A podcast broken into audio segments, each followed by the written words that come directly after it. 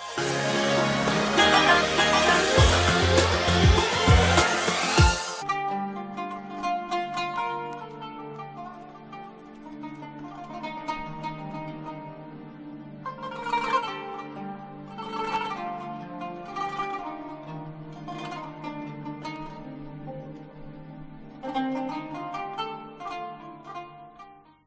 الله الرحمن الرحيم الحمد لله.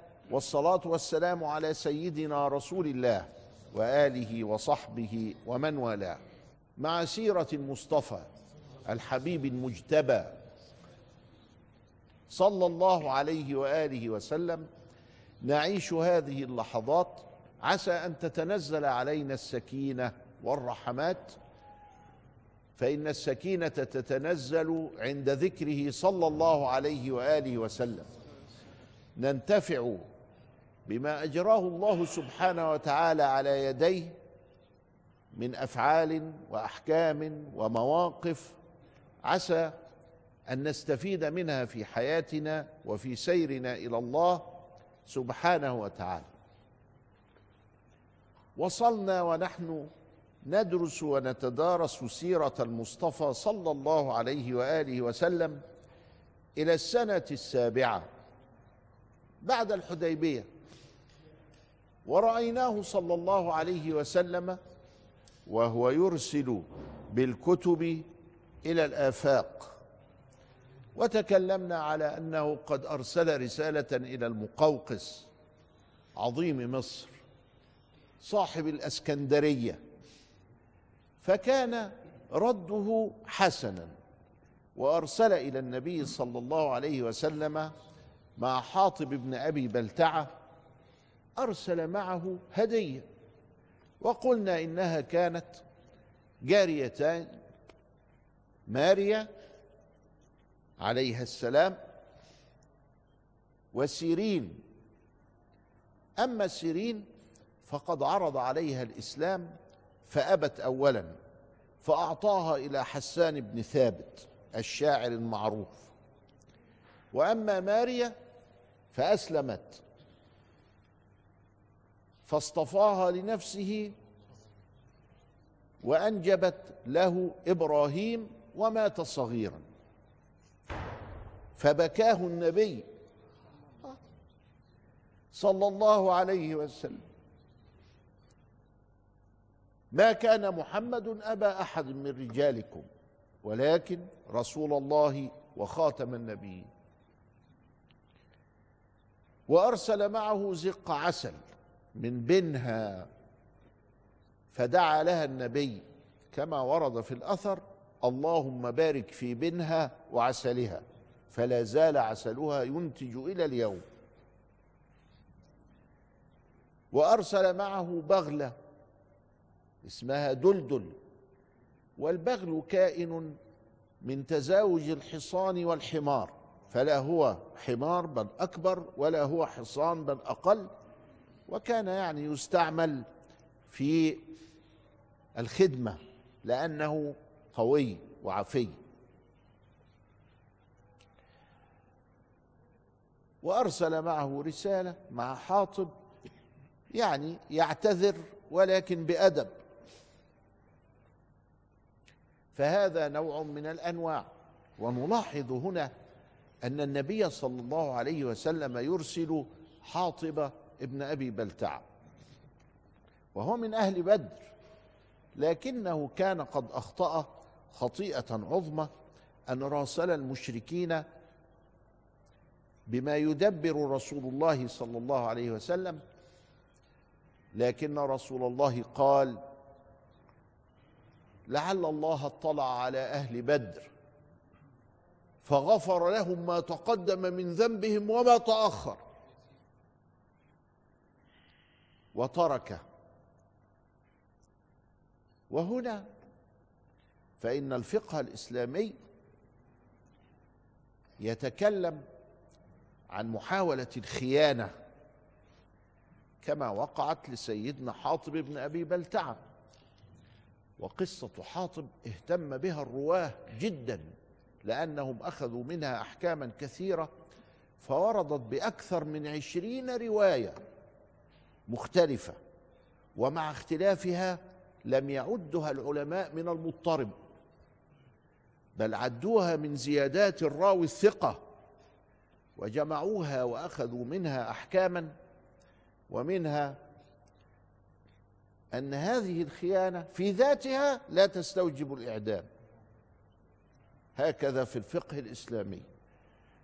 ما حدش بقى إيه يقول ده بيلمح على فلان وبي... إحنا بنتكلم بالدين ملناش تدخل لا بفلان ولا بعلان. الدين كده. سيدنا كده. نشوفه هو عمل إيه وتبقى البركة فيما فعل. وملناش تدخل بقى بالهتر بقى الباقي كده هو. فالخيانة لا تستوجب في أصلها ال ال الإعدام. ليه؟ لحديث حاطب ابن أبي بلتع. أرسله وجاء به وكذا وكأن هناك شروطا للعزل السياسي ليس هذا منها بل ما دام المحكمة رأت حتى ولو قد حكمت عليه بالمخفف فلا يرد سياسيا امال مين اللي بيرد سياسيا فلا يرسل في الرسل؟ المنافق. المنافق.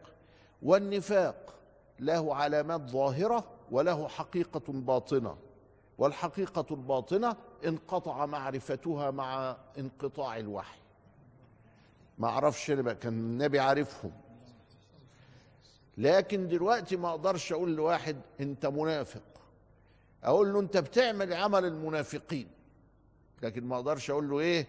أنت منافق لأن النفاق حقيقته في القلب لا يعلمها إلا الله. ثم يعلمها لرسوله صلى الله عليه وسلم. في هذه السنة في السنة السابعة أخذ رسول الله صلى الله عليه وسلم يرسل الرسل بعد اتفاقية الحديبية التي تمت في نهاية السادس. فأرسل فيما أرسل إلى كسرى فلما جاء هو بيقول إيه في الرسائل؟ من محمد بن عبد الله رسول الله فلان ابن فلان. فقال إلى كسرى. فكسرى وهو بيقرأ قال من ذا الذي يقدم اسمه على اسمي؟ ده مجنون ده ولا إيه؟ يقول محمد. إلى كسرى. آتوني بهذا العبد. العبد قال إنه هو يعني يمتلك جزيرة العرب وده من عبيده. سيدنا كبرت كلمة تخرج من أفواههم إن يقولون إلا كذبا. كذاب كسرى ده كذاب ولسه واخد علقة كويسة في أمانة الله من هرقل. ضربه ضربة كويسة يعني. واسترد منه ومن أهله الصليب. بعد كده الذي يدعي النصارى أن المسيح عليه السلام صلب عليه. هرقل راح واخده من ابنه. ومن هذا الموقف رجعوه لمكانه في بيت المقدس عند كنيسة القيام وكانوا يسموها إلياء. إلياء. فبعت له الرسالة ولما بعتها له حتى بعتها له بطريقة كويسة.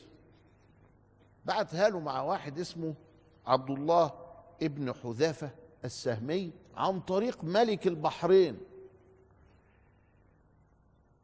فملك البحرين خدها ووداها لكسرى يعني إيه في بروتوكول برضه. إيه اللي أعمل قلب راح قايل إيه؟ هاتهولي ده. ومزق الكتاب. فأوحى الله إلى نبيه أن قد مزق الكتاب. فقال مزق الله ملكه فكان. خلاص انتهى الأمر. جه هو مع الكبير بقى بيلعب مع مين؟ مع الكبار. مش هينفع. ده كبير الكبر. فعبد الله ابن حذيفة السهمي ده هو رجع مكسور الخاطر. وطبعا ما فيش هدايا ولا حاجة. وأعمل قلب كسرى. قال يا أخويا راح باعت لواحد المندوب بتاعه في اليمن. المندوب السام. اسمه باذان. يا باذان أقبض على الولد ده وهاتهولي. فبزان. بعت اتنين يعني زلة طزانة كده قال علشان يقبضوا على النبي ويجيبوه لكسر. فجه اقعد السلام عليكم وعليكم السلام. قال لهم أنتوا عاملين إيه في وشكم كده؟ حالقين لحاكم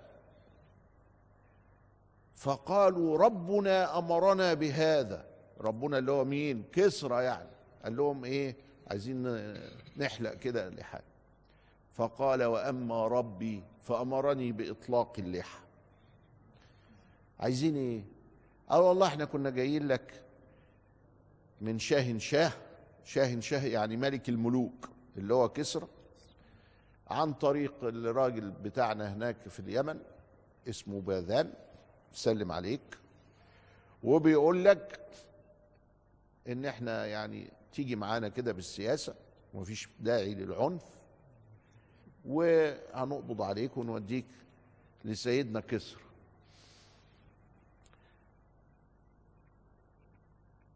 لا يا شيخ. آه هنعمل كده. فماذا كان رد النبي صلى الله عليه وسلم؟ نعلمه بعد الفاصل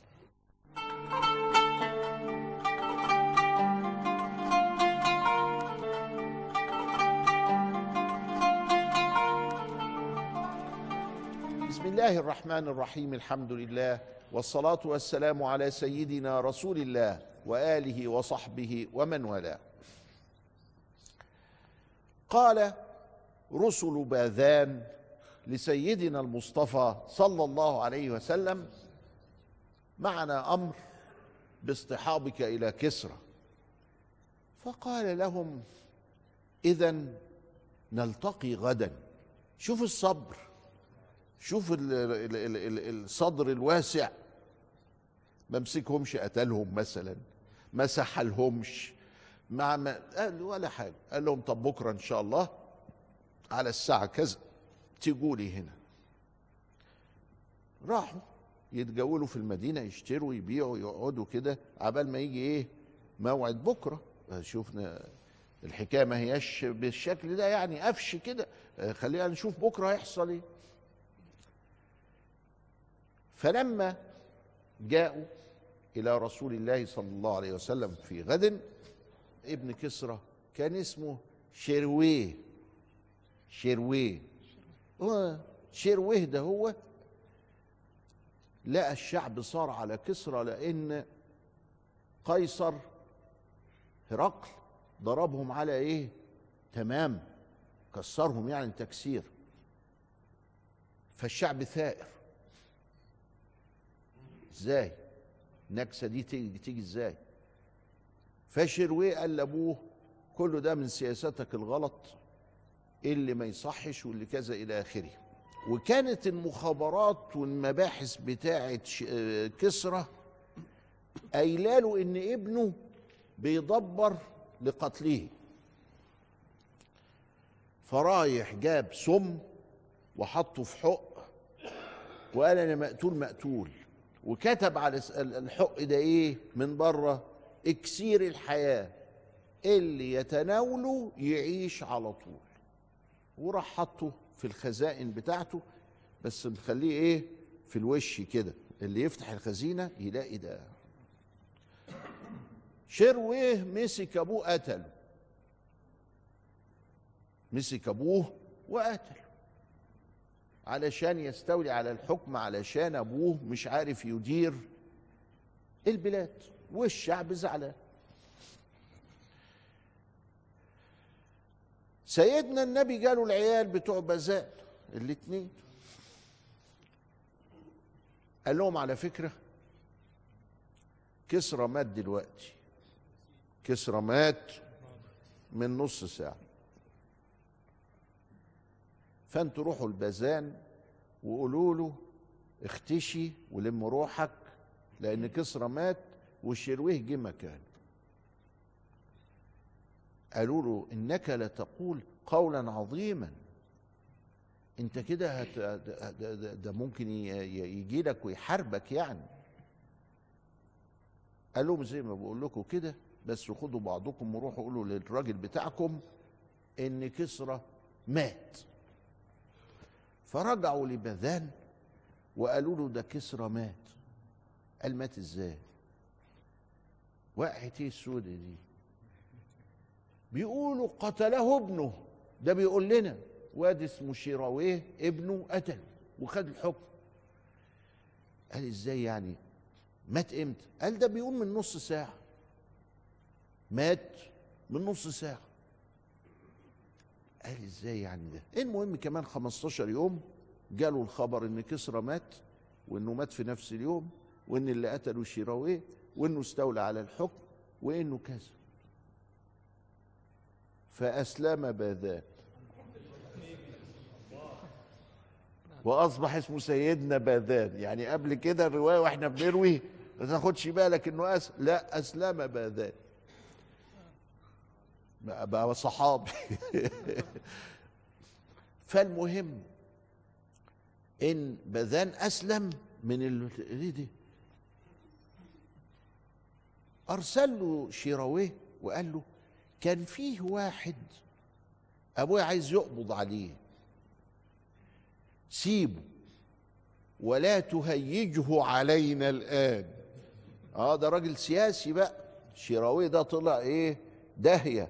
سياسي. بس كان يا عيني النبي دعا عليهم واللي حصل حصل. شيراوي. وبعدين سيدنا المصطفى صلى الله عليه وسلم الواد شيراوي بقى عمل إيه؟ كسرى ده الجديد. عمل إن هو اتفق مع هرقل إن هو يرد له الصليب اللي هو سبب الحرب وسبب الهزيمة لأنهم كانوا غالبين الأول الروم والروم كده وبتاع وهرقل جاب الصليب وحطه في مكانه اللي هو كان موجود فيه كأثر مقدس عند المسيحيين. وبعت. شراوي ده بقى فتح الخزينة وشاف الحق اللي مكتوب عليه إن اللي ياخد منه يعيش أبد الظهر قال ده كويس قوي ده. وراح واخد منه راح ميت. فقالوا كسرى قتل ابنه وهو ميت. وهو اللي هو كسرى يعني كسرى وهو ميت قتل ابنه. فجت أخته واستولت على الحكم. فعرف النبي عليه السلام كده. عيلة رافضة الإسلام متكبرة في الأرض مش راضية تتعدل. ودعا عليه فلما جالهم جالوا الخبر قال لن يفلح قوم ولوا أمورهم امرأة. لن يفلح قوم ولوا أمورهم امرأة. يعني لن يفلح مين؟ فارس. بس مش عارف يجيبها على لسانه. أم بعض الفقهاء خد الحديث ده على إيه بقى؟ ويحطوا بقى مع حديث تاني وتالت وكده ويجي إيه؟ قال لك ناقصات عقل ودين. وادي ده القوامة للرجل. وكمان لن يفلح قوم ولوا أمورهم. وفهموه عام. فأصبحت يا عيني المرأة في تاريخنا شوية كده إيه أقل خاصة بعد زمن معين. يعني هي كانت واخدة وضعها ومحدش ملتفت للكلام ده في الأوائل 100 سنة الأولى 200 سنة الأولى 300 سنة وهكذا. وبعدين ابتدينا بقى ننخرب في الكلام وبعدين لا ده حديث خاص. خاص ببنت كسرى اللي مزق الكتاب. اللي أهان الرسول بتاع سيدنا النبي اللي كمان بعت اتنين يقبضوا عليه. يعني حاجة وحشة قوي شوف لما تقارنها بالمقوقس تلاقي لا خلاف. المقوقس ده زي ما يكون ابن ناس. وكسرى ابن كناس. ما ينفعش. فقال لن يفلح قوم ولوا أمورهم امرا وفضلنا نعامل المرأة معاملة سيئة لغاية يومنا ده. كل واحد فاكر انه هو لازم يتنطط على الست من دول علشان يثبت رجولته.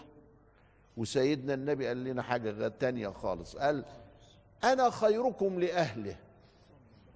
خيركم خيركم لأهله وأنا خيركم لأهله. وكانت السيدة عائشة تقول كان في مهنة أهله. يشوفها بتغسل يغسل معاها يشوفها بتعجن يعجن معاها يشوفها بتطبخ يطبخ معاها وهكذا.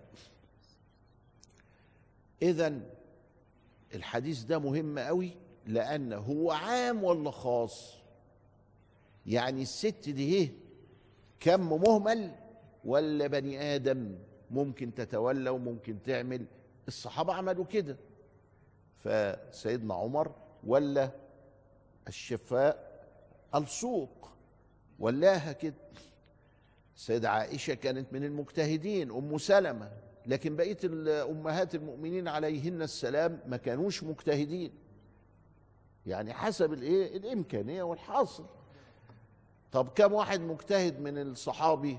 حوالي بتاع 125 واحد 150 طب وليه الست أقل كده؟ أهو قدر كده بقى. ولذلك تلاقي لغاية النهارده الست ما تبقاش جراحة قلب مثلا. ملهاش دعوة دي بالدين بقى في العالم كله. إلا واحدة اتنين تلاتة بالكتير أربعة يكون ربنا عطاها جسد قوي صبر معين تركيز معين دي قضايا تانية. ولكن لازم وإحنا بندرس السيرة ناخد كده نشوف هو إيه اللي حصل ونشوف أسباب الحديث وإيه اللي حصل في هذه الأوقات. إحنا لسه في سنة كام؟ سنة سبعة وشغالين رسائل يبعت الرسالة مع واحد معتبر محترم وهذا المعتبر المحترم يروح هنا ويروح هنا ويروح هنا يعني الرسل والنبي عليه السلام بيعرض عليهم وكانت الردود مختلفة. المقوقس أنا مش هسلم ولكن أنا بحبك. كسرى يقطع الكتاب ويرميه فيدعو عليه. وهنشوف عظيم البحرين عمل إيه؟ أسلم. دخل في الإسلام. ف وقبله قبل دول بقى كان دخل في الإسلام النجاشي. وكان عمرو بن العاص يروح تملي للنجاشي فلما لقى النجاشي أسلم وكمان القساوسة عنده أسلموا أسلم عمرو وأسلم فين؟ في إيه؟ في الحبشة وجاء النبي صلى الله عليه وسلم مسلما بعد الحديبية. وهنرى كيف عامله النبي صلى الله عليه وسلم فإلى لقاء آخر. أستودعكم الله والسلام عليكم ورحمة الله وبركاته.